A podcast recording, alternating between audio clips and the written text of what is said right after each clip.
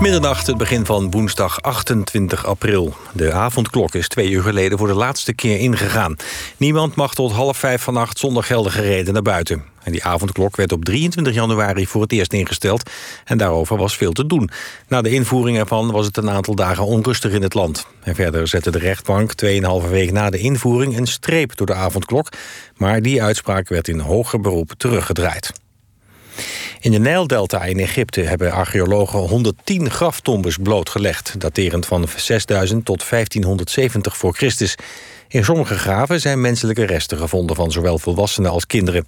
En verder vonden de archeologen in de graven aardewerken voorwerpen en begrafenisartikelen. Eerder deze maand werd vlakbij Luxor een nederzetting blootgelegd... die volgens experts veel duidelijk zal maken over het leven in het oude Egypte. En in februari werden de restanten van een bierbrouwerij ontdekt. In Amsterdam heeft de mobiele eenheid gisteravond opgetreden in de Westerstraat. Volgens de politie waren er onderlinge gevechten tussen aanwezigen en was het te druk. Honderden mensen zijn weggestuurd. In totaal zijn gisteren in Amsterdam 50 mensen aangehouden. Eerder gistermiddag werd het Vondelpark ontruimd. En ook daar hadden grote groepen mensen zich verzameld en werden de coronaregels genegeerd. Volgens de voorzitters van de 25 veiligheidsregio's was het op een aantal plekken in het land op Koningsdag echt veel te druk. De eerste wedstrijd in de halve finale van de Champions League... tussen Real Madrid en Chelsea heeft geen winnaar opgeleverd.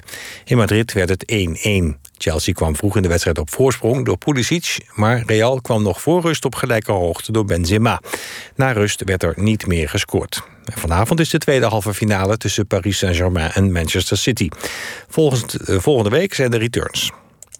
Het weer. Vannacht koelt het snel af. Op de koudste plaatsen kan het licht vriezen... en lokaal ontstaan er ook enkele mistbanken. Morgen op veel plaatsen zon. In de middag neemt vanuit het zuiden de bewolking voorzichtig toe... maar het blijft wel droog. Het wordt een graad of 18. Dit was het NOS Journaal. NPO Radio 1. VPRO. Nooit meer slapen.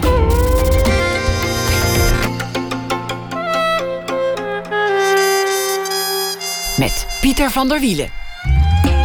Goedenacht en welkom bij Nooit meer slapen. We have nothing to fear but fear itself. Met die aanmoediging begonnen ooit de Roaring Twenties 100 jaar geleden. Angst als een op zichzelf staand iets zonder bron. Je kunt er ook zo tegenaan kijken. Roekeloosheid, dat duidt op een gebrek aan kennis. Je hebt geen idee van gevaar. En angst duidt op te veel kennis. Je ziet overal gevaar. En zo kunnen we de hele nacht doorgaan. En dat gaan we misschien ook wel gewoon doen. Schrijver Daan Heerma van Vos is hier. Hij heeft al van kindsbeen af een natuurlijke neiging tot panikeren, ook als daar strikt genomen geen aanleiding toe is. Een aangeboren angstreactie. Zou dat bestaan eigenlijk? Het begon zo. Zijn vrouw ging bij hem weg en zei: Ik vind jou nog wel leuk, maar je angststoornis niet meer die moet je onderzoeken. En dat heeft hij gedaan. Niet alleen bij zichzelf, maar bij de hele samenleving. Het is een boek geworden, De Bange Mens. En hij heeft ook nog een podcast gemaakt samen met Remy van der Brand. Een podcast over angst. Wat is angst? Wanneer wordt het een stoornis? En hoe kan het dat steeds meer mensen last hebben van angst? Daan Heerma van Vos, geboren in 1986. Hij is productief. Hij schreef zeven romans, vijf non-fictieboeken, honderden artikelen. En vorig jaar publiceerde hij ook nog eens de Corona-chronieken, waarbij hij de eerste lockdown vanuit zoveel mogelijk bronnen heeft vastgelegd. Daan, welkom. Leuk dat je er bent. Ja, bedankt voor de uitnodiging. Zullen, zullen we meteen beginnen bij, bij het meest pijnlijke boek, waar, waar eigenlijk je. Het meest pijnlijke moment waar je boek ook begint. Dat, dat je vrouw bij je weggaat, je vriendin. En zegt: Ja, jongen, het gaat gewoon niet meer. Ja, ik heb er geen zin meer in. Ja, dat was een uh, moment waarvan ik dacht dat het altijd wel een keer zou gebeuren. Uh, ik, niet per se met haar, maar gewoon in een relatie. Of, uh, of het nou een vriend was. Of, of ik dacht, er komt een moment dat iemand tegen me gaat zeggen: Je moet dit nu doen. voor het te laat is, wat te laat ook betekent.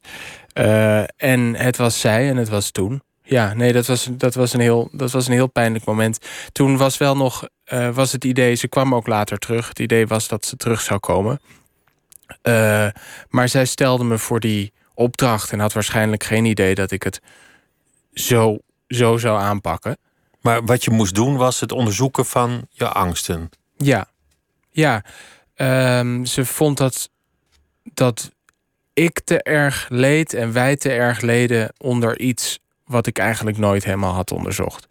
En dat klopte ook. Dat had ik Waar, waar bestond dat? Waar, wat waren die momenten dat de angst opspeelde? Ehm, ja, het is moeilijk om daar aanleidingen. Het is meestal. gebeurde meestal als ik mezelf te lang te veel op de hals had gehaald. Je noemde net, somde je op wat ik allemaal had gedaan. Dat heb ik zelf nooit zo opgezomd, maar ik, ik heb altijd veel gedaan. Ik denk ook om altijd bezig te blijven. Maar als het dan te veel werd, eh, dan was mijn weerstand laag. En dan hoefde er ook heel weinig te gebeuren. Dan kon het een, een vervelend gesprek zijn. Dan kon het een, eh, gewoon een, een onbenullige aanleiding zijn die me net over het randje duwde. En dan was ik er, zat ik er ook helemaal in. En wat gebeurt er dan als je er helemaal in zit? Dan ben ik bang voor, nou ja, echt voor, voor alles. Voor, om naar buiten te gaan, dan ben ik, eh, dan, dan zie ik overal spoken. Dan, ja, dan is er niet echt een land mee te bezeilen. Dan, dan fysiek, dan ben ik aan het trillen. Ehm, dus dan ja, is het echt alsof ik een, ja, dat klinkt misschien zweverig of raar, maar een soort alternatieve werkelijkheid betreed, waarin ik echt bang ben voor alles. Waarin ik bijvoorbeeld eh, e-mails ook niet meer goed kan lezen. Dan, dan lees ik een e-mail en dan ben ik ervan overtuigd dat die vol beledigingen of eh, afwijzingen sta- eh, staat. De wereld wordt een vijandige plek voor Heel jou. vijandig. Ja. En het is een fysieke reactie, want je, je trilt. Ja. Ook, ook zweten. Ja. Stamelen, bibberen. Ja. Slapeloosheid. Ga maar door, alles. Ja. Ja, is- Kortademigheid. Ja, het is ik le- fysiek dan in echt alarmfase 1. Hoe lang Ja. duurt dat? Dat, dat duurt. Dat kan dagen eh, duren, dat kan weken duren. Eh, maar ik heb het ook wel eens gehad dat het, dat het maanden. Dat, het ergste was ongeveer een jaar dit. Een jaar in een totale paniekaanval. Ja, ja. Maar dat, dat overleef je toch niet? Nou, Nou, je Wel. zit hier als levend bewijs Nou dat ja, het. als, er niks, als je niks doet, overleef je het wel. Als je gewoon blijft zitten, je overleeft het uiteindelijk wel. Het is gewoon, eh, het voelt alleen uitzichtloos aan als je erin zit. Ehm, dat was zo rond mijn 23ste of zo. Maar dat was, dat was, heel, dat was heel erg vervelend, ja. Ja. Maar je zei net, ik, ik werk heel veel, ik moet veel doen. Ook een beetje om jezelf bezig te houden, zei je. Is dat eigenlijk een manier om het ook weer te bezweren? Om die angstreacties voor te zijn, dat je maar aan de gang blijft. Ja, dat is een, een, een negatieve uitleg ervan. Ehm, ik denk. Het komt ook voort uit. Kijk, die, die angst is een, is een negatieve eh, kant van de medaille van iets wat ook positief is. Namelijk, eh, ik ben nieuwsgierig, ik wil weten hoe, hoe dingen zitten, ik ben nieuwsgierig naar, naar anderen. Eh, dus er zijn altijd vragen voor mij om te stellen. Dus ik ben, als het goed gaat, uit die, ja, noem het gevoeligheid, zich op een goede manier. Dus ik weet niet of je het alleen maar negatief. Bezweren is wel heel negatief. Maar ja, vast ook. Ja, Maar het, is, het, het zijn twee kanten van dezelfde medaille. denk het. Ik zou zeggen, de, de tegenovergestelde kant van angst is optimisme grenzend aan roekeloosheid, gokzucht. Ja, Denken dat alles goed komt, risico's aangaan, ja. de wereld overmoedig tegemoet treden. Nou ja, je ja, kan het allemaal overmoed en invullen. risico's heb ik wel, heb ik wel genomen. Ehm, zelden optimistisch, maar wel gedaan. Ondanks dat je het risico inschat, toch het aangaan. Ja. Dat, dat heet roekeloosheid dan weer. Eh, ja, weet ik niet of dat roekeloosheid is. Ik zou eerder roekeloosheid zeggen dat je niet wil. dat je niet nadenkt over mogelijke gevolgen. Dat je er gewoon helemaal voor afsluit en denkt, ik ga gewoon. Ja, dat Maakt vind mij ik wat uit. roekeloos. Als je de gevaren accepteert en het toch doet. Maar het actief opzoeken, dat is, dat is weer iets anders natuurlijk. Ja, dat is weer iets anders. Ja. En ik weet niet of ik dat heb gedaan. Nou, af en toe. Ik heb af en toe wel dingen gedaan. eh, die daarnaar neigen, ja. Je, je hebt als een artikel geschreven, veel besproken over kleptomanie. Dat was zo'n moment. Dat je, Ja. dat je de plaatselijke winkelier, ondanks je gewetensvroeging, bestal van, van, van goederen. Ja, Je, je begon het artikel met dit is misschien wel het einde van mijn loopbaan. ja. Dat dit opschrijven. Maar dat, ging, dat ging eigenlijk volgens mij over, over thrill-seeking. Dat gaat er niet Eh, over dat je die spullen nodig hebt, maar meer dat je de spanning nodig hebt. Ja, dat, dat, dat ging over. Eh, terwijl ik dat deed, dat was dus vooral toen ik, eh, toen ik jong eh, was, eigenlijk alleen maar. Ehm, dat was inderdaad het opzoeken van een, van een situatie waarin het risico heel duidelijk is, de angst volledig verklaarbaar is. en er ook een beloning is als je doorstaat. Dus het, het het maken van een, van een scenario waarin je angst normaal is. Dat was het, denk ik. Eh, maar ja, of je daar nou, of je daar vervolgens over moet gaan schrijven, dat weet ik niet. Eh, nou, ik vond het een interessant stuk. Het viel niet bij iedereen goed, maar dat heeft te maken met dat mensen graag zich moreel boven een ander plaatsen. En als iemand zijn eigen hoofd op het hakblok legt door zijn zonde te bekennen, ja, dan, dan ben je gewoon een makkelijke kleiduif. Ja, en dan gaat ik- iedereen zeggen: Oh ja, die Heerma van Vos. Hè, Ja. Zieke jongen, maar kijk, zo zijn ze in het echt. Ja, ik weet niet. Ik heb dat toen ook niet heel. eh, eh, de, bedoel, de bedoeling was om een stuk te schrijven over waarin ik een, een fenomeen, kleptomanie, wat behoorlijk veel voorkomt. Eh, ik heb echt tientallen, zo niet honderden mensen die ik gewoon ken, hebben daarna gezegd: ja, ik doe dat ook. Dus gewoon een fenomeen wat veel voorkomt, wilde ik onderzoeken. Maar door, ja, door verschillende dingen kwam het over alsof ik er bijna trots op was. En daar gingen mensen, daar reageerden mensen heel slecht op. Dus ik heb dat zelf ook niet handig gedaan. Wat je, wat je in dit boek ook doet, is iets vanuit jezelf nemen en dat vertalen naar iets maatschappelijks. Het is gewoon het begin van jouw zoektocht. Ja. Dus, dus voor mensen denken, dit is een boek van 300 bladzijden over de angstige momenten van Daan Heerma van Vos. Oh nee, nee, nee, nee, zo niet. is het niet. Dit is een boek over angst in een meer wetenschappelijk, filosofisch, maatschappelijk kader. Eigenlijk alles wat je kan bedenken over het thema. Ja, Het gaat niet over Daan Heerma van Vos zozeer. Het is alleen het vertrekpunt. ja, nee, dat is de eerste versie die ik van het boek schreef. Daar, daarin kwam ik überhaupt niet voor. Eh, want ik wilde, angst is heel, heel persoonlijk, maar ik wilde niet een, een ego-document schrijven. Want daar zijn er al veel van. Ehm, en ik weet ook niet of. Ja, in de hele geschiedenis van de, van de angst vind ik mijn verhaal ook niet het interessantste. Dus ik dacht, eigenlijk wil ik dat helemaal achterwege laten. Maar ik ontdekte dat dat niet echt kon. Eh, daar, dan, daar werd het een heel vreemd verhaal van. Waar, als lezer dacht je de hele tijd, ja, leuk en aardig, maar waarom vertel jij dit? Dus ik kwam er eigenlijk pas in een later stadium in. Ehm, maar het klopt, het is een zoektocht die begint vanuit, nou ja, mijn vriendin, nu ex, die, eh, die me op dat pad zette. Eh, terwijl, terwijl zij nog ik wisten waar dat toe zou leiden. En dat werd een steeds groter pad, wa- wat al, dat al heel snel niet meer over mij ging. Is dat een spoiler trouwens, dat je zegt dat het je ex is? Omdat we zeiden, het begon allemaal met de zoektocht naar de angst. Dat is, dat is een, als een eh, opdracht van, van de vrouw die jou ging verlaten. We weten nu, het is niet meer goed gekomen. dat, is een, dat is een spoiler. Maar anders denken mensen die mijn huidige vriendin nu kennen, eh, die dit luisteren, misschien dat zij dat heeft gedaan. Oh ja, dan kan je maar beter duidelijk zijn. Ja. Zijn, zijn we daar vanaf? Ja, Het is wel interessant. Ik hou van jou, maar niet van je angststoornis. Kun je die twee scheiden? Kun je, kun je zomaar een eigenschap van iemand de deur wijzen en zeggen: de rest van het pakket aanvaard ik. Maar die bibberende handjes die moeten ophouden. Dat, dat, is, dat is eigenlijk een hele vreemde manier van tegen de liefde aankijken. Ehm, Kan ik nu zeggen, nu het je ex is. Ja nee, dat, dat kan niet. Je kan niet iemands eh, karakter trekken, eh, ja, uit elkaar halen en zeggen dat wel Kon en het dat maar. niet. Ja, kon het maar. Eh, dus nee, dat was een onmogelijk verlangen, maar ik heb ook wel. Ik begrijp dat verlangen wel. Ik begrijp ook dat het. Want het was heel erg. Nou, het was.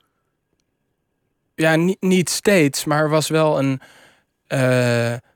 Een dreiging dat het eigenlijk op elk moment ineens niet goed met mij kon gaan.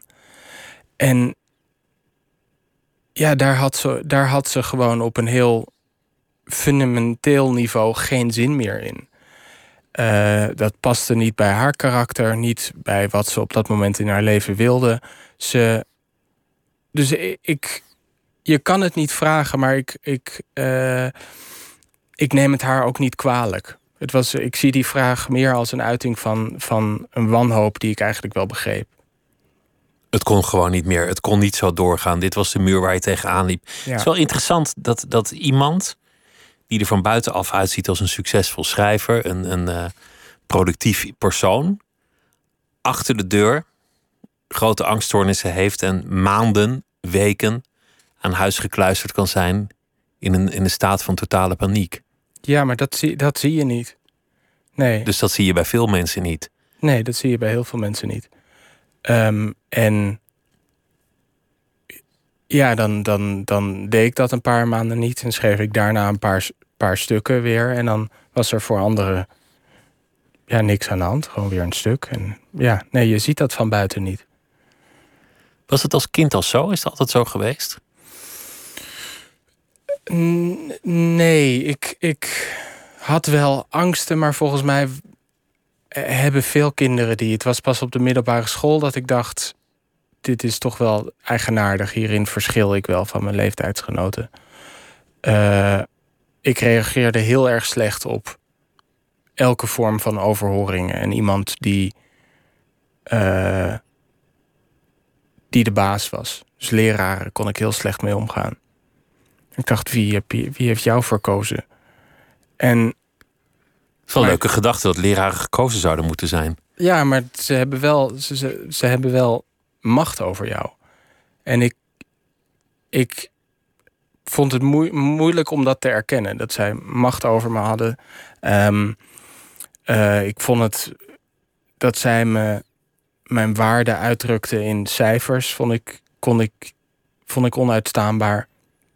Dus op de middelbare school ging het. Uh, en op de basisschool, ik had zo'n Montessori-school waar, waar, waarop niemand überhaupt wist wat, wat je deed. Waarom je daar kwam en, en hoe laat je er weg mocht en wat er dan intussen was gebeurd. Ja, niemand wist dat. Leraren niet, ik zelf niet. Dus we hadden ook geen overhoringen. En op de middelbare school begon dat. Ja, dus toen begon, ja, het speelde dit ook op. Maar dat heb, je, dat heb je wel vaak hoor. Mensen met veel angst. Het begint meestal in de tienerjaren of twintigerjaren. Maar wat jij schetst is een autoriteitsprobleem. Ja. Wat, wat alle pubers een beetje hebben. En ik, ik vond school ook één groot instituut van vernedering. Maar is dat nou een, is dat nou een angststoornis? Ja. Um, nee, niet, no niet noodzakelijk. Maar bij mij was de uitingsvorm wel heel duidelijk angst, paniek. Dat kwam eruit voort. Ja, ja. Um, en dat was. Nee, tuurlijk, je kan ook. Als je dat gezag niet accepteert en alleen maar heel vervelend wordt, dan is het niet, een, dan is het niet vermoedelijk niet een angstprobleem. Maar bij mij uitte dat zich wel. Gewoon paniekaanvallen. Uh, ineens het lokaal verlaten, overhoringen niet gaan maken. Uh, ja, nee, het was een beetje een mes. Je, je bent langs allerlei kanalen op zoek gegaan naar wat angst is, hoe je angst moet definiëren. Wat, wat was het eerste dat je deed toen je had besloten van dit moet ik gaan onderzoeken, dit wordt mijn project? Waar begin je dan? Het, lijkt zo'n berg te beklimmen.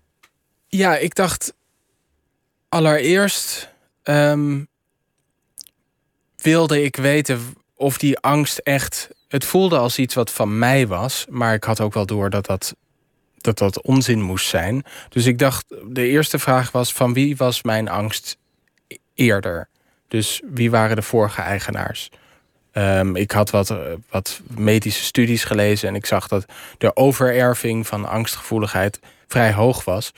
Dus de eerste stap was mijn, mijn ouders, mijn kijken of ze daar. Of, of is het erfelijk? Hadden mijn ouders dit ook vroeger? Of nog steeds misschien ja. wel? En al vrij snel kwam ik erachter dat mijn moeder uh, toch wel iets soortgelijks had gehad.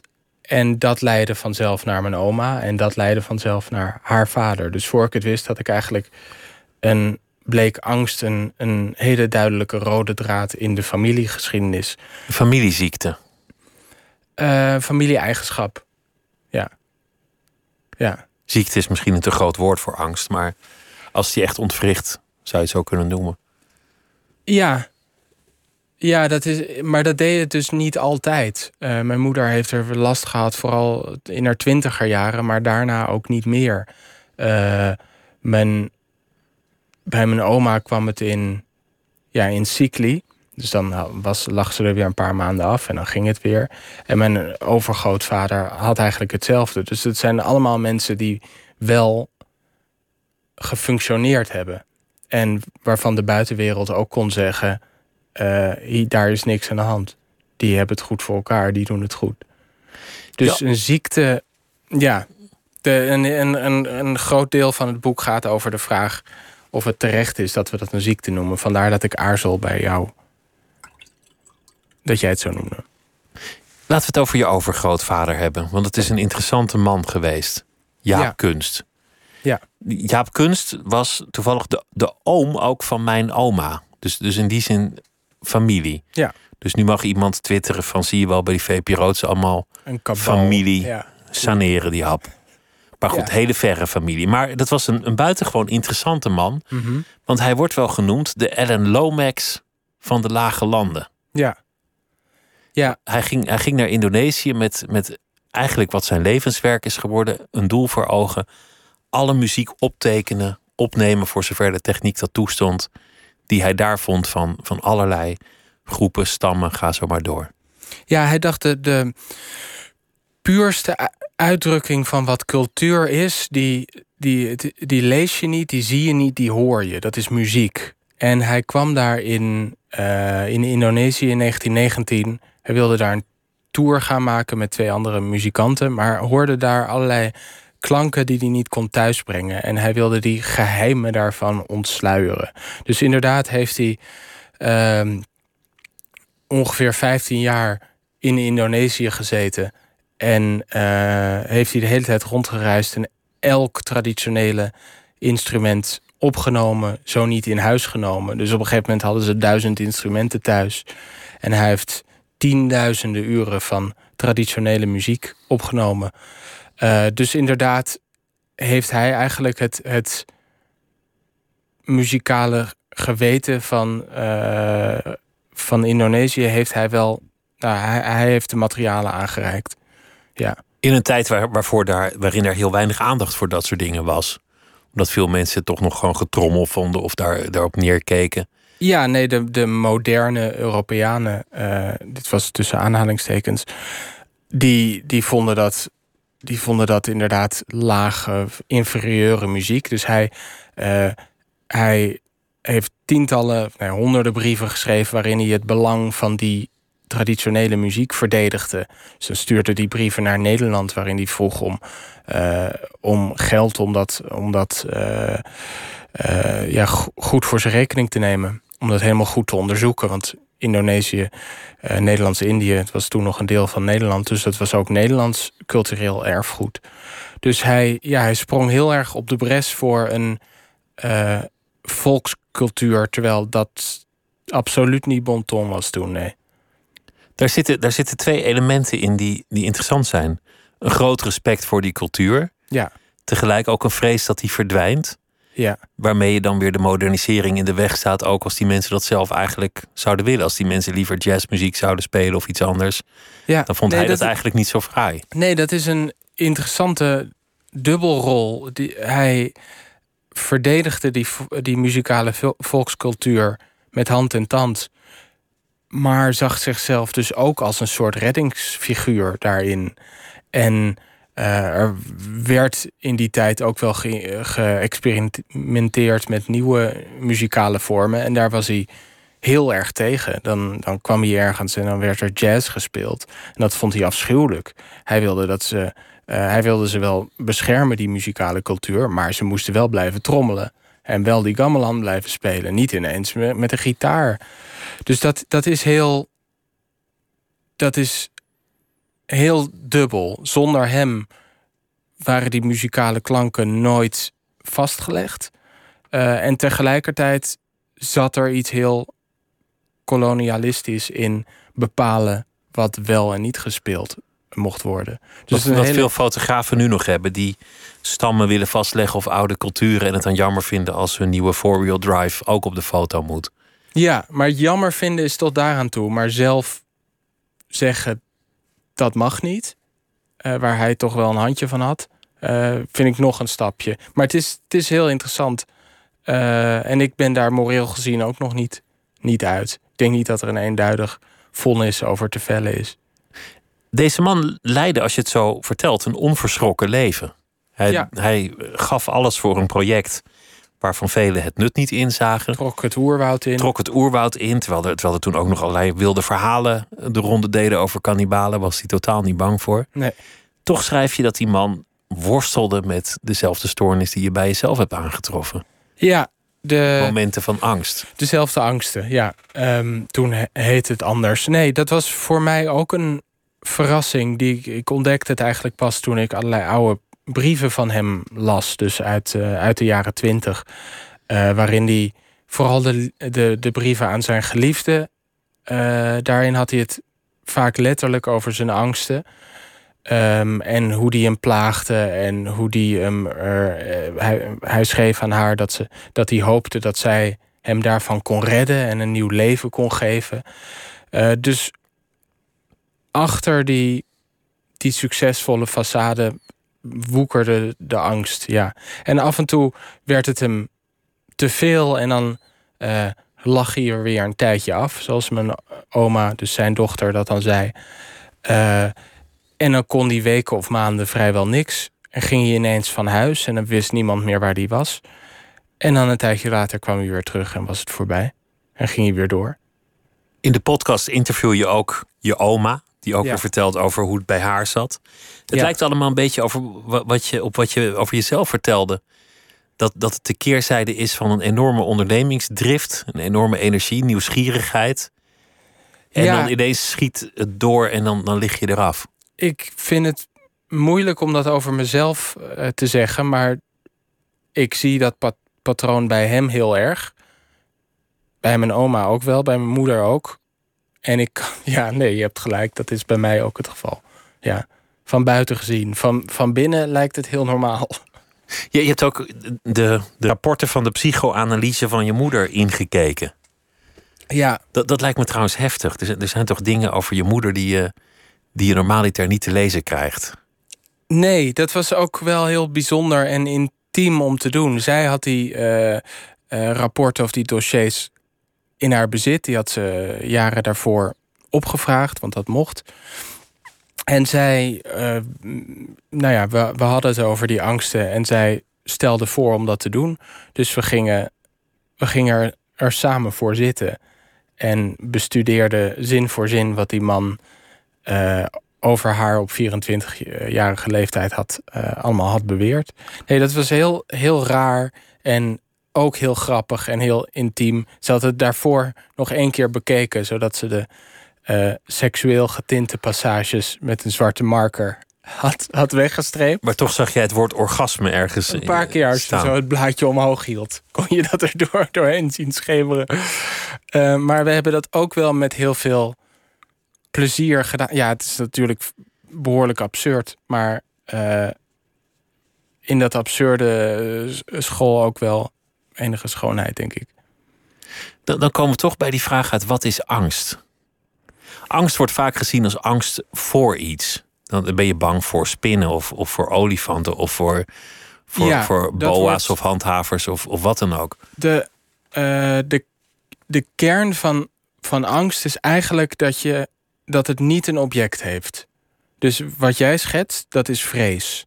Vrees heeft een duidelijke ja, richting. Dat, dus je, je, je vreest olifanten, dan heb je een, een ongemakkelijk, zorgelijk gevoel dat gekoppeld is aan een duidelijk object. Angst, is dat object er niet of is het onduidelijk waar het vandaan komt?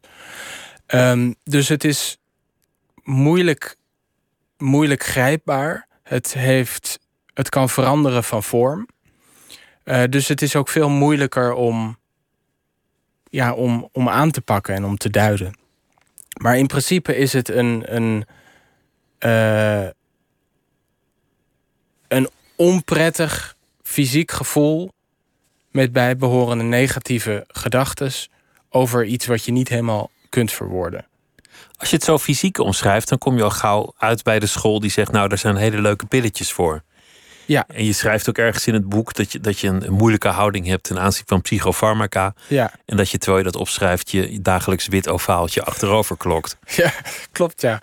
Uh, ik wist weinig van, die, eh, van de geschiedenis van pillen en waarom we, uh, waarom we nou die antidepressiva slikken tegen angststoornissen. Uh, en toen ik me daarin ging verdiepen, toen schrok ik wel van de, de chaos en de willekeur en ook de corruptie waarmee dat proces eigenlijk is gegaan. En Want veel te veel mensen dat is iets wat je vaker leest. Slikken psychofarmaca. Nou ja, we weten gewoon niet precies. Niemand weet echt precies wat die dingen doen. Wel ongeveer. En dat ze. Uh, dat ze bepaalde chemische uh, neuronen um, in je hersenen veranderen. En dat dat voor sommigen goed uitpakt.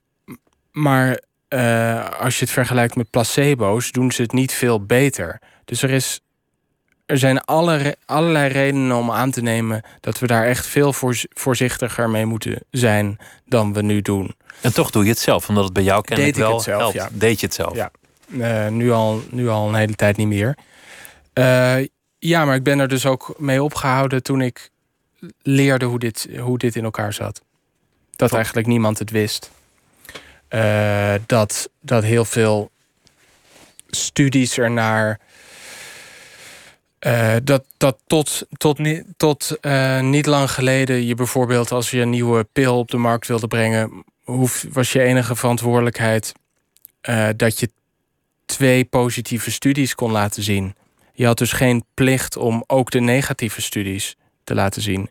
Dus als, een, als je als grote farmaceut uh, drie goede testresultaten had en vier slechte, dan kon je die vier slechte vergeten. En kon je die drie voorleggen en dan mocht je de markt op. Ja, dat soort verschijnselen waar, waar eigenlijk maar een paar mensen heel diep in zijn gedoken. Uh, en ik heb hun sporen alleen maar gevolgd. Die hebben mij toch doen in, inzien dat we te makkelijk en met te veel onwetendheid en roekeloosheid die pillen uh, voorschrijven. Maar toen je ze slikte, deed, deed het wat voor je? Um, ja, maar het is dus ook niet te zeggen of dat. Misschien was hetzelfde gebeurd als ik dat niet deed. Ja, het, het zorgde dat het leven, de buitenwereld, wat minder bij me naar binnen kwam. Ja. Het dempte de boel. Het dempte bij mij de boel, ja. Hoe komt het dat, dat angststoornissen, angst, verschillende begrippen gaan door elkaar lopen, maar dat, dat dit soort toestanden toenemen? Dat steeds meer mensen zeggen angstige gevoelens te hebben, of momenten van paniek te hebben, of het kan ook met depressie te maken hebben, dat, dat, dat is ook weer verwant. Ja, uh, dit was eigenlijk het mo moeilijkste deel van het boek. Dat ik er de vraag wilde beantwoorden: zijn we angstiger geworden? En dat is een, dat is een hele ingewikkelde vraag. Want hoe meet je dat in vredesnaam? Hoe meet je de, de angst van een samenleving? Ja, uh, dan kun je kijken naar het aantal mensen met een angststoornis. Maar dat zegt ook niet, niet alles. Um, dus dat. Het duurde lang voordat ik genoeg studies had, had gelezen. zodat ik met enig vertrouwen kon zeggen dat we inderdaad angstiger zijn geworden. Ongeveer vanaf de jaren tachtig.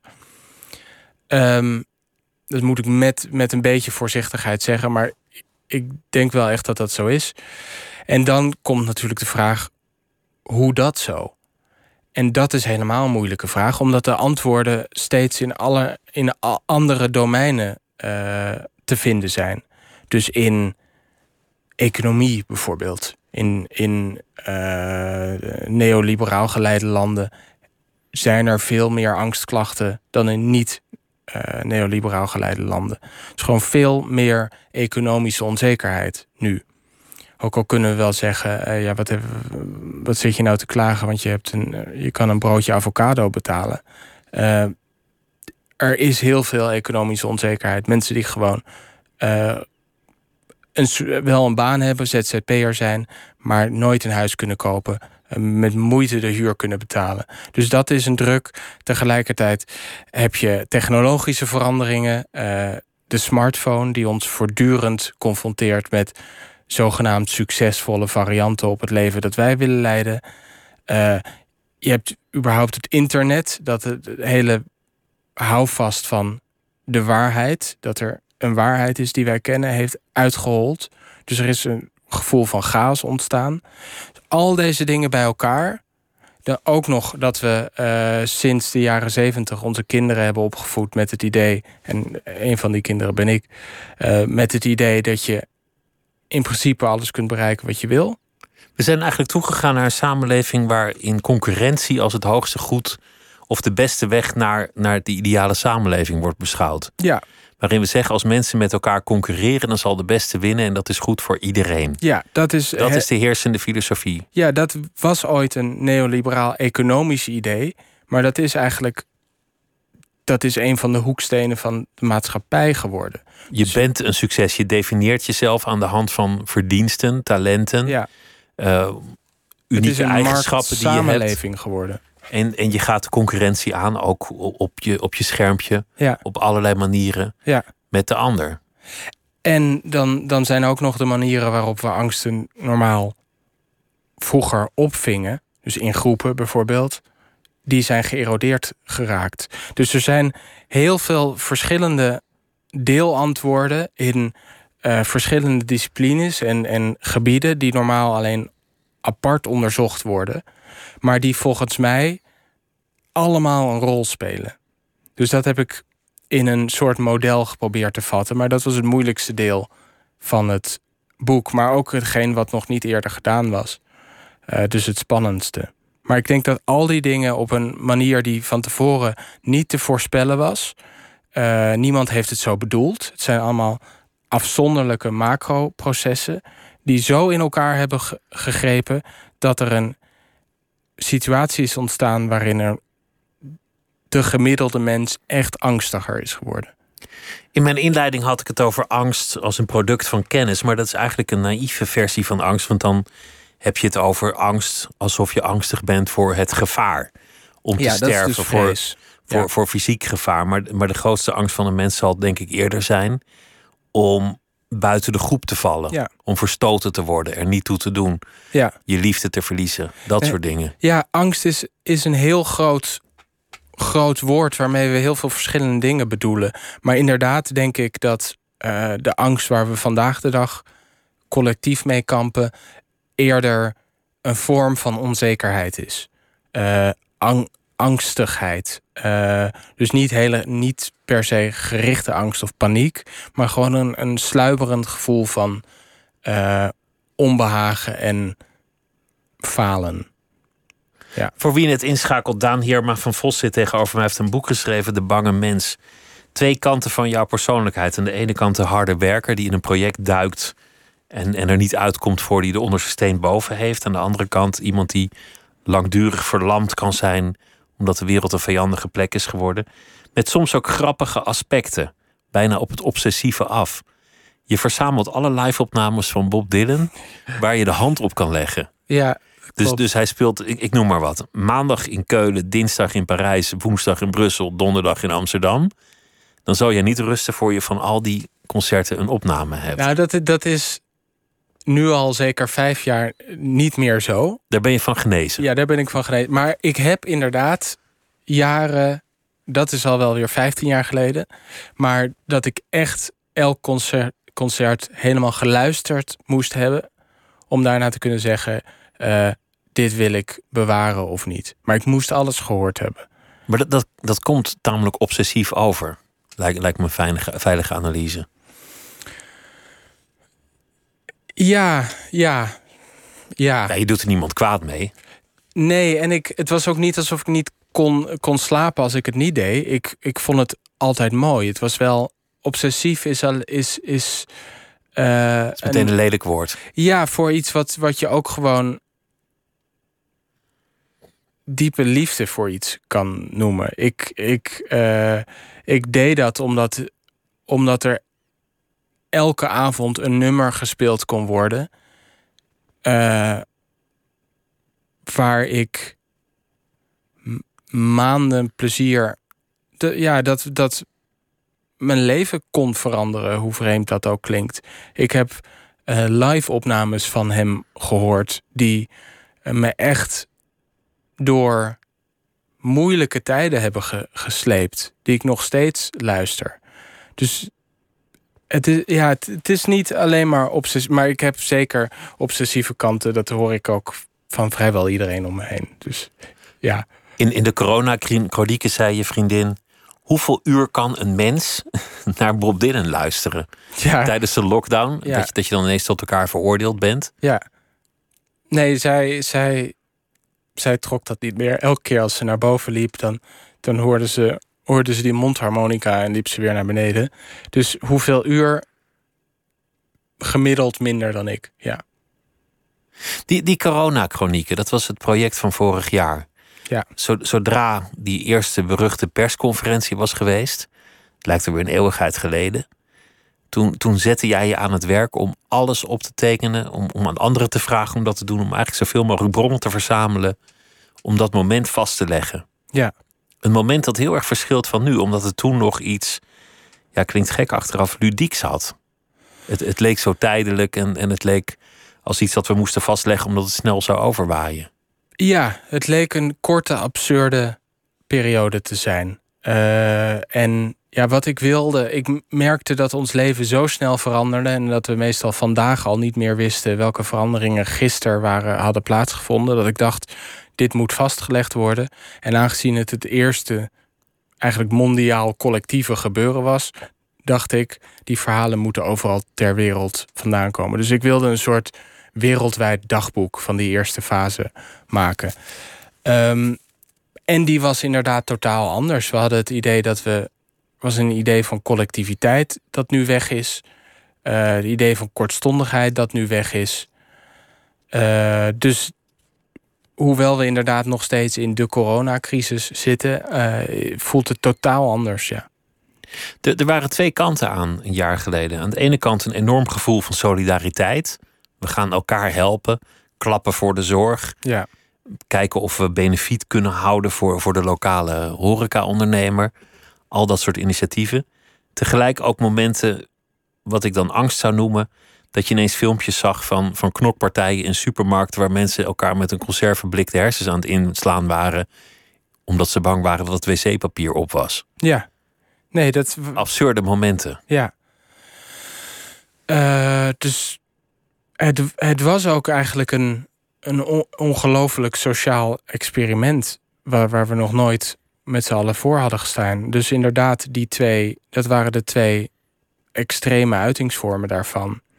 Eh, van de, eh, de, de goede kanten van solidariteit, maar ook wat er gebeurt als je het gevoel hebt dat je eh, voortbestaan bedreigd wordt, dus angst, dan ga je om je heen slaan. Dus dat was ook wat er gebeurde, ja.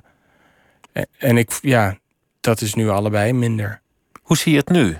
Want, want waar ze in het begin trillend op hun benen zeiden... we gaan de horeca zes weken dichtgooien... en het zelf eigenlijk ook een heel grote maatregel vonden... kwam er daarna een moment dat het niet eens meer werd genoemd... en dat, dat er gewoon even twee maanden werden bijgetekend. Ja, En, en nu lijken we aan het eind te zitten... maar niemand die het nog echt weet hoe het, hoe het zich zal ontvouwen. nee. De sfeer is wel heel anders. Ja, totaal anders. Ehm, we, vorig jaar hadden we het er nog over. Ving je op straat gesprekken over, op over dat eh, Rutte toch zo'n staatsman is. En nu kan ik de straat niet oversteken of ik zie zo'n sticker met van een, een balzak met het hoofd van Hugo de, Jong Hugo de Jonge erop. Dus het is totaal anders. Onze relatie met, met de overheid is totaal veranderd. Onze relatie met politiek is totaal veranderd. Er is onder de oppervlakte, onder de oppervlakte schrikbarend veel veranderd in een jaar. Vandaag zag je dat. Je, je zag Koningsdag. En je zag overal beelden van, van politieagenten. die groepen uit elkaar probeerden te duwen. En eigenlijk leken die mensen te zeggen: joh, ga mijn rug op. Ik geloof het allemaal wel. Ja, Ik ga even verder als je het niet erg vindt. ja. Nee, de, de, de angst voor dat virus is grotendeels weg. Terwijl je nu strikt statistisch volgens mij banger zou moeten zijn dan een jaar geleden. Ja, maar het is, het is, het is ook heel. Het is een heel gek virus, omdat je. Omdat de, de meeste mensen kennen niet vrienden of zo, mensen die, die dichtbij staan, die, die eraan zijn overleden of er heel erg ziek van zijn geworden. Het zijn ouderen die dat zijn, die dat zijn geworden. We, we kennen wel oudere mensen die eraan zijn overleden. Maar de jongeren die in de parken staan, die kennen persoonlijk minder mensen. Nee, dus het is, het is voor hen grotendeels een virtueel probleem geweest. Uh, terwijl de offers die gebracht moesten worden niet virtueel waren, namelijk dat het hele leven anders werd. Dus ik begrijp ook wel dat nou ja, het is, dit, het is, uh, je kunt erin komen dat uh, na een jaar uh, mensen dat moeilijk vinden om op te brengen. Maar daar komt natuurlijk ook nog bij dat we kennelijk het gezag ook niet meer vertrouwen. Omdat er ook zoveel slordigheid is rond de vaccinatiecampagne, leugens rond andere dossiers. Dus het vertrouwen in, in de regering is gewoon niet zo hoog op dit moment. Nee, die, die dat, dat zal meehelpen. Historisch laag, ja. Je, je hebt onlangs geschreven over complottheorieën. En er is, er is een, een, een interessante verwantschap tussen angst en complotdenken. Die, die twee lijken met elkaar te maken hebben. Steeds meer mensen geven zich over aan het geloven in een soort parallele werkelijkheid. die we niet mogen horen. Maar als je dit en dit combineert, nou dan zie je het ineens kraakhelder nou ja, ja, voor we, we hadden het net over uh, angst in de vorm van angstigheid of onzekerheid. Dat er uh, dat je het gevoel hebt dat er allemaal dingen buiten je gezichtsveld uh, gebeuren waar je geen controle of geen zicht op hebt. Um, kijk, wat een complottheorie doet, is je, dat geeft je, reikt je een verhaal aan dat alles verklaart. Dus het geeft houvast. Ik denk dat het volledig begrijpelijk is dat in een wereld zoals we die net geschetst hebben, uh, dat de behoefte aan iets wat houvast geeft heel erg groot is. Uh, en dat, je, dat, dat die behoefte eigenlijk vaak sterker is dan je kritische vermogens op dat moment. Dus dat je eigenlijk die belachelijke aspecten van complottheorieën niet ziet, omdat je zo, ga, zo erg verlangt naar iets, uh, iets wat alles verklaart. Iets waar je aan vast kan grijpen. Het schept duidelijkheid. Ja. Ja het is vaak ook een, een absolute waarheid waar je niet aan mag twijfelen. Ja. En als je er wel aan twijfelt, dan, dan ben je deel van de misleide menigte. Ja, en als er tegenargumenten kunnen er altijd door geabsorbeerd worden. Uh, het, is, het is een heel, juist omdat het zo vaag en, en, en vreemd is, kan je het, je kan het ook nooit weer leggen. Dus ik, ja, ik, ik begrijp dat wel. Ik vind het tegelijkertijd, naast dat ik het begrijp, ook heel gevaarlijk. En het ondermijnt natuurlijk het gezag nog veel meer.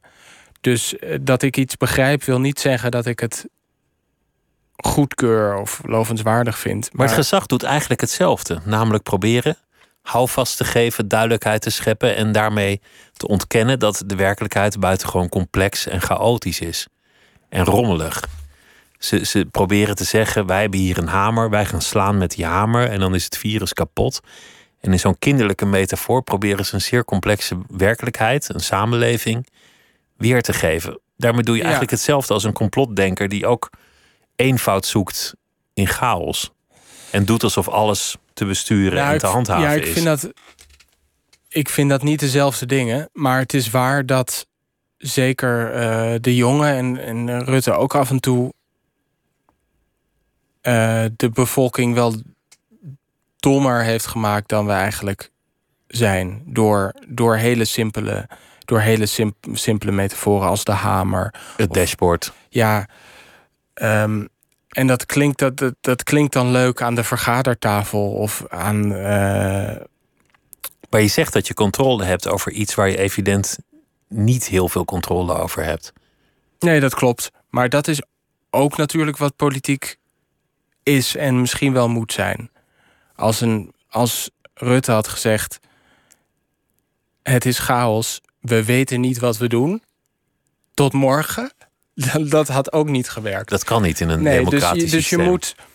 ehm, je moet soms meer duidelijkheid uitstralen dan je eigenlijk kunt waarmaken. Dat begrijp ik wel. Eh, maar eh, de, de, ja, de incompetentie heeft wel. Heeft die, die metaforen wel erg bemoeilijkt, ja. De incompetentie van, van het vervolgens niet waarmaken van, van hetgeen je. Ja, en gewoon zelf voortdurend, zelf voortdurend klungelen. Eh, eh, eh, de, de bruiloft van Grapperhaus. Het zichzelf niet. zichzelf geen boete geven. het je paspoort vergeten als je gaat stemmen. Gewoon, je kunt een. Een Nou, en vooral het, vooral het vaccinatiebeleid dat, dat Europees niet gelukt is. ook dat. Nee, ook inhoudelijk ging het niet goed. Maar de, de krenten in de pap waren toch de, eh, de blunders tussendoor. Wat, heeft het schrijven over angst jou geleerd? En dat is een hele grote vraag. Maar, maar die kan je in twee delen uiteensplitsen. Namelijk de maatschappelijke kant en, Ja. en, je, en je eigen kant. Maar wa- wat zijn de inzichten die je zelf het meest verrast hebben? Nou, maatschappelijk gezien denk ik eh, dat het heeft het me verrast dat het wel degelijk meer een eh, tijdsverschijnsel is dan ik in het begin dacht. Eh, ik dacht, ik dacht ja, het, het, het is Het is in van alle tijden, dacht je. ja, en het is ook wel van alle tijden. Maar het is ook sinds de jaren tachtig dus wel meer geworden. Dat heeft me verrast. Ehm, en dat begrijp ik nu ook beter, om de redenen die ik, die, die, ik net al noemde. Eh, en voor mezelf heb ik. Ja, mijn, mijn houding ten opzichte van die angst is wel heel erg veranderd. Eerder dacht ik dat ik toch een hele vreemde e- eend in de bijt was. Een rare uitzondering. Want in mijn familie hadden we het er niet over. Dus voelde ik, voelde ik me meer een eenling. En nu, doordat ik die verbanden in de familie heb gevonden, doordat ik erachter ben gekomen hoeveel mensen ermee worstelen, eh, nadat ik na alle berichten die ik heb gekregen na dit boek, ehm, voel ik me wel, voel ik me minder een rariteit. Het mooie wat je, wat je schrijft over je familieleden is dat, dat het gaat over ook een zekere mate van gevoeligheid, fijnbesnaardheid. Dat, dat, dat juist de hevigheid ervoor zorgt dat je soms voor, kunt verlammen en soms juist kunt floreren. Ja, De, de nieuwsgierigheid en de vrees die, die zijn de keerzijde van hetzelfde. ja, daarom kun je dus ook niet zeggen: ik hou van jou, maar ik haat je angsten. Het hoort erbij. Beide kanten maken deel uit van wie jij bent. Ja, en dat maakt het niet altijd makkelijk, maar dat is wel eh, de enige manier voorwaarts is dat te accepteren. Door mijzelf in de eerste plaats. Zou je kunnen schrijven zonder, zonder de vrees? Als je dat volledige pakket accepteert. Die beide zijden. Vind ik moeilijk te beantwoorden. Ik weet niet waar ik zou zijn zonder die angst. Eh, ik weet wel dat de periodes waarin ik eigenlijk heel weinig angsten heb, eh, dat zit het schrijven niet in de weg. Eigenlijk allerminst. Eh, als ik echt last heb van angsten, werken die verlammend. Dus ik denk dat als ik die minder zou hebben, of misschien niet zou hebben, dat het, dat het, schrijven niet. Mijn, mijn liefde voor schrijven gaat ook verder dan, dan angst. Het is, ik vind het, het eh, de mooiste manier om te zoeken naar. eh, naar patronen, naar hoe mensen echt werk eh, in elkaar zitten, naar orde. Ik vind het de allermooiste. Ik vind het de mooiste kunstvorm die er is. Dus ik denk dat die liefde daarvoor. hoop ik dat die ook los kan bestaan van angst. Dat het niet alleen maar een manier is om je, om je vrees te be- bezweren. ja, dat maar dat, wel een hele deprimerende conclusie zijn. dat, ja. dat het wel iets meer is dan, dan dat alleen. ja. In schrijven zit natuurlijk ook veel, veel angst. Als, als je het hebt over afwijzing of, of nederlagen. Hoe, hoe ga je eigenlijk om met het verschijnen van een boek? Het, het moment al dat de redacteur het terugstuurt. Mailtje re, dubbele punt, manuscript. Wat, wat is dat voor moment? En dan Ja, daarna de, re- de recensies. Dat, dat, je, dat je weet, morgen wordt je besproken in de Volkskrant. Ja, meestal weet je dat niet eens. Wordt je niet eens verteld, hè? Nee. Eh, dus je, je leeft dan een paar weken in de wetenschap dat er elk moment een recensie kan komen. Nee, ik vind dat niet. Ik vind dat niet de leukste periode. Ik vind schrijven eh, heerlijk en dat doe ik met overgave en met liefde. Het publiceren vind ik niet het leukste deel. En het eh, beoordeeld worden ook niet. Dus ja, Want je droomt van het applaus, maar, maar je vreest ook de hamer van de recensent die het terzijde schuift en zegt: Nou, we ik hebben hem ik ontmaskerd. d- droom van het applaus. Ik denk dat ik in het verleden wel droomde van het applaus, maar dat dat, dat eigenlijk niet meer. Dat dat niet meer, in elk geval niet het belangrijkste is. Ik, ik droom ervan om te kunnen blijven doen wat ik doe. En daarbij, dat kan alleen als je een zekere mate van applaus krijgt. Eh, anders wil niemand je meer uitgeven. Maar nee, Eigen- eigenlijk is dat niet meer. Ja, de, de hamer vrees je wel, natuurlijk. Maar Ja. dat, dat, dat is bijna oneerlijk naar jezelf. Als je het applaus niet echt nodig hebt, maar de hamer blijft vrezen. Dan zou je volledig autonoom moeten worden en allebei gewoon een beetje naast je neerleggen. Ja, dat zou ideaal zijn. Dat, dat zou veel beter zijn. ja, klopt. Maar ik weet niet of je dat soort dingen kunt rationaliseren. Eh, nee, nee. Zo, zo. Nee, ik vind, ik, ik, vind dat, ik, vind dat niet een, ik vind dat niet een hele fijne periode als een boek er is. Eh, tegelijkertijd krijg je wel dat mensen je lezen. En dat is wel, dat hoort ook bij het schrijven. Gelezen worden, reacties krijgen. Dus dat deel weer wel. Het is, het is een. Het is heel gemengd. Maar het leukste onderdeel van het schrijven is eh, als je bezig bent met een boek en je hebt voor het eerst het gevoel: ik begin hier greep op te krijgen. Volgens mij kan dat wat worden. En dat is dan nog. Nu zie ik een patroon, nu heb ik ordening. Ja, dan, en dat is dan nog een soort geheim tussen jou en het scherm. Eh, en la- later ga je steeds meer mensen inwijden in dat geheim. Een paar mensen laat je lezen. Eh, en op een gegeven moment laat je dat geheim los op de wereld. En dan is, er dus, is het dus ook geen geheim meer. Gaat er ook iets van intimiteit verloren. Dan laat je het los. Je, je zei net dat het iets van deze tijd is, maar ik, ik, ik dacht misschien is het eigenlijk van alle tijden. Je had, je had natuurlijk de jaren 30 was een tijd van extreme angst. En de, de jaren 50 de angst voor de bom. En, en eh, de, de tijden van verstedelijking, van verloedering. Je, je hebt natuurlijk in elke generatie reusachtige angsten gehad. Zeker. Een Ja. periode van, van totale ontwrichting en verweestheid. Ja, en die zijn dan in elk tijdperk net iets anders. Elke tijd heeft zijn eigen angst. En nu is het meer onzekerheid en, en eh, angstigheid en het niet weten. Eerder was het, ja, die morele angsten, het kwam natuurlijk voort uit, uit de kerk. Eh, de, de, de periodes met de bom, ja, dat zou je misschien eerder vrees kunnen noemen, omdat er daadwerkelijk een groot gevaar was. Maar het is waar dat het ook van alle tijden is. En eh, ik heb ook willen onderzoeken wat dat dan betekent. Ja. Wat is onze angst? En daarmee de vraag, wat is onze tijd?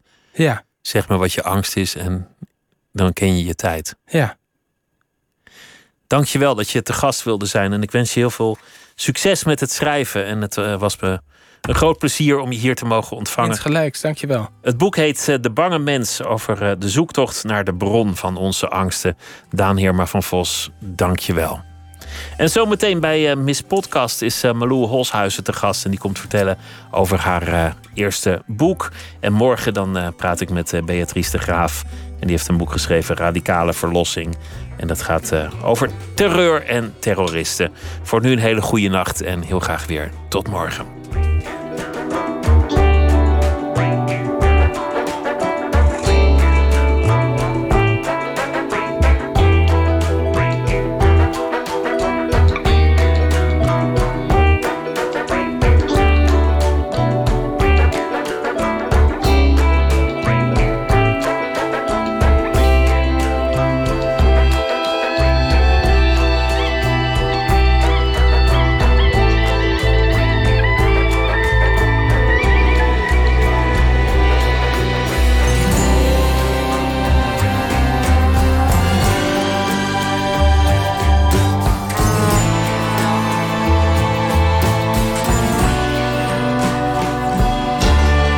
Radio 1. Het nieuws van alle kanten.